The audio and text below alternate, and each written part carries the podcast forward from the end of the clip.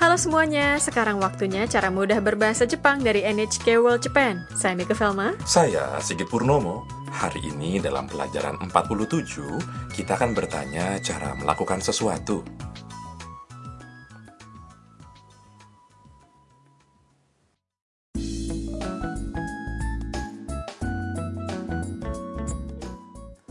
Tam sedang ada di Kyoto bersama penghuni rumah Harusang lainnya. Mereka sedang mengunjungi kuil Fushimi Inari. Kuil ini terkenal dengan ribuan gerbang oranye yang berderet seperti terowongan.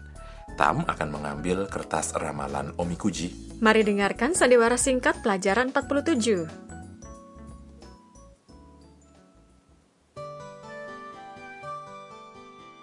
「おみくじだよどうやってするんですか箱を振ってみて3番ですはいどうぞ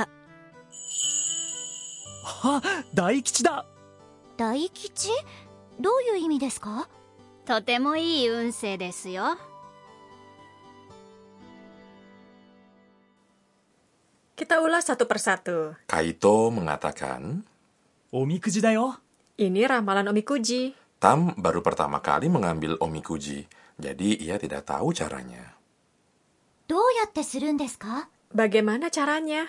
Kaito mengajari Tam. 箱を振ってみて Coba kocok kotaknya. Saat Tam mengocok kotaknya, sebuah stik kayu bertuliskan angka keluar dari kotak. 3番です Nomor tiga, Seorang gadis pelaksana ritual kuil memberikan Tam ramalan sesuai dengan angka yang tertera. はいどうぞ Iya, silakan ambil. Kaito membaca ramalan Tam. あ大吉だ Oh, Daikichi. Tam bertanya, 大吉どういう意味ですか Daikichi artinya apa? Harusang menjelaskan, とてもいい運勢ですよ Artinya bernasib baik. Tam mendapatkan Daikichi, itu awal yang baik.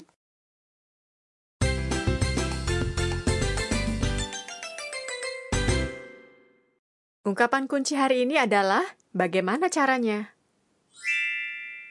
どうやってするんですか Jika Anda mempelajari pola ini, Anda dapat bertanya cara melakukan sesuatu. Berikut penjelasannya. どうやって Adalah kata tanya yang berarti bagaimana cara.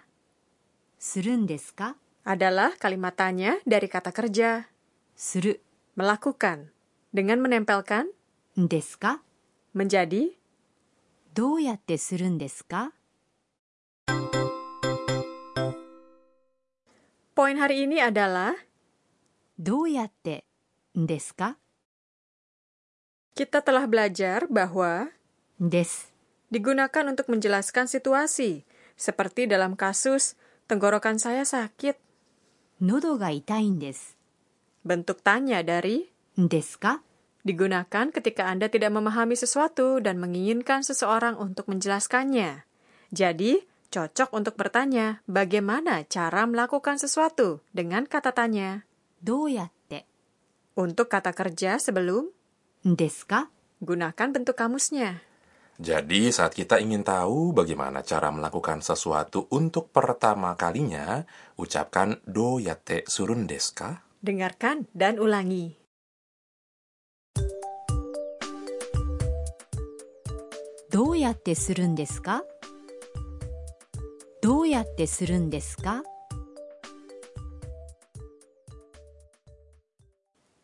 Bisa.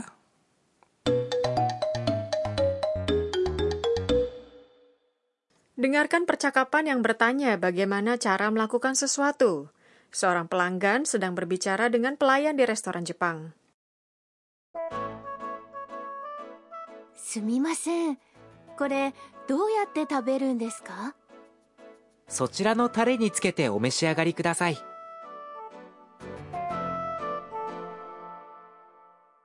Mari ulas artinya. すみませんこれどうやって食べるんですか Permisi, bagaimana cara memakannya? Pelanggan tersebut menanyakan pertanyaan sambil menunjuk ke benda tepat di hadapannya. Jadi ia menggunakan 「これ ini. Dan ia sedang makan. Jadi kata kerjanya adalah 食べる makan. そちらのタレにつけてお召し上がりください。 Silakan dicelupkan ke saus itu dan dimakan. そちらのタレ Adalah saus itu. つけて Adalah bentuk T dari kata kerja つける celup. お召し上がりください Adalah cara sopan untuk mengatakan silakan dimakan. Sekarang dengarkan dan ulangi. どうやって食べるんですかこれどうやって食べるんですかすみませんこれどうやって食べるんですか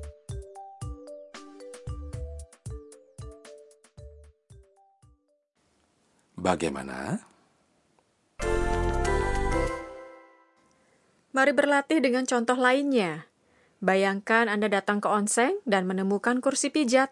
Tulisannya gratis digunakan, tetapi Anda tidak tahu caranya. Menggunakan adalah 使う使う coba tanya ke orang sekitar Anda dengan menggunakan ini. これこれ Ayo buat kalimatnya.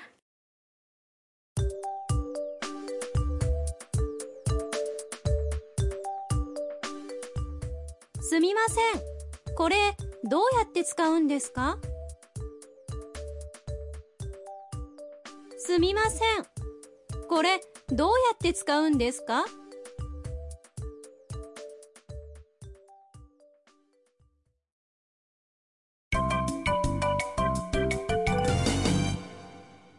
Bonus ungkapan hari ini adalah yang Tam katakan ketika bertanya apa arti daikichi di kertas ramalannya. どういう意味ですか Gunakan ini saat Anda ingin menanyakan arti sesuatu. 意味 adalah arti, dan kalimat lengkapnya adalah artinya apa. Dalam sandiwara singkat tadi, Harusang menjelaskan artinya bernasib baik. Dengarkan ragam pengucapannya. どういう意味ですかどういう意味ですかどういう意味ですか Kini giliran Anda. どういう意味ですか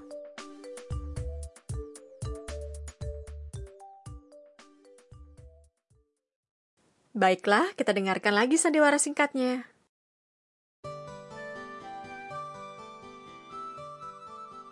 おみくじだよどうやってするんですか箱を振ってみて3番ですはいどうぞあ大吉だ大吉どういう意味ですかとてもいい運勢ですよ。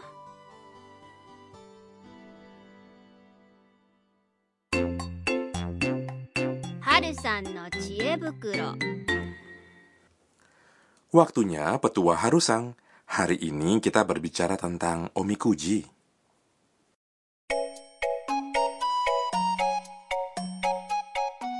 Anda bisa mengambil omikuji di kuil Jepang. Biasanya ramalannya akan ditulis di selembar kertas tipis. Daikichi adalah sangat beruntung. Kichi adalah beruntung. Dan kyo adalah nasib buruk. Ramalan ini juga memberikan saran untuk kehidupan sehari-hari seperti pekerjaan, kesehatan, dan asmara. Dalam sandiwara singkat hari ini, Tam menerima omikuji sesuai dengan nomor di stik kayu yang keluar dari kotak yang ia kocok. Namun, sejumlah tempat memiliki omikuji yang dapat langsung diambil. Ada juga yang bisa diambil di mesin omikuji otomatis. Ada banyak sekali jenisnya, tapi saya tidak mau mendapatkan ramalan bernasib buruk. Pastinya, beberapa orang meyakini bisa mengubahnya menjadi beruntung dengan mengikat kertas omikuji ke tangkai pohon atau di lokasi yang telah ditentukan di kuil. Oh, begitu ya.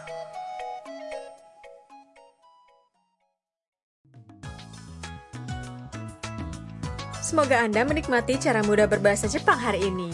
Berikutnya adalah episode terakhir. Jangan kelewatan ya.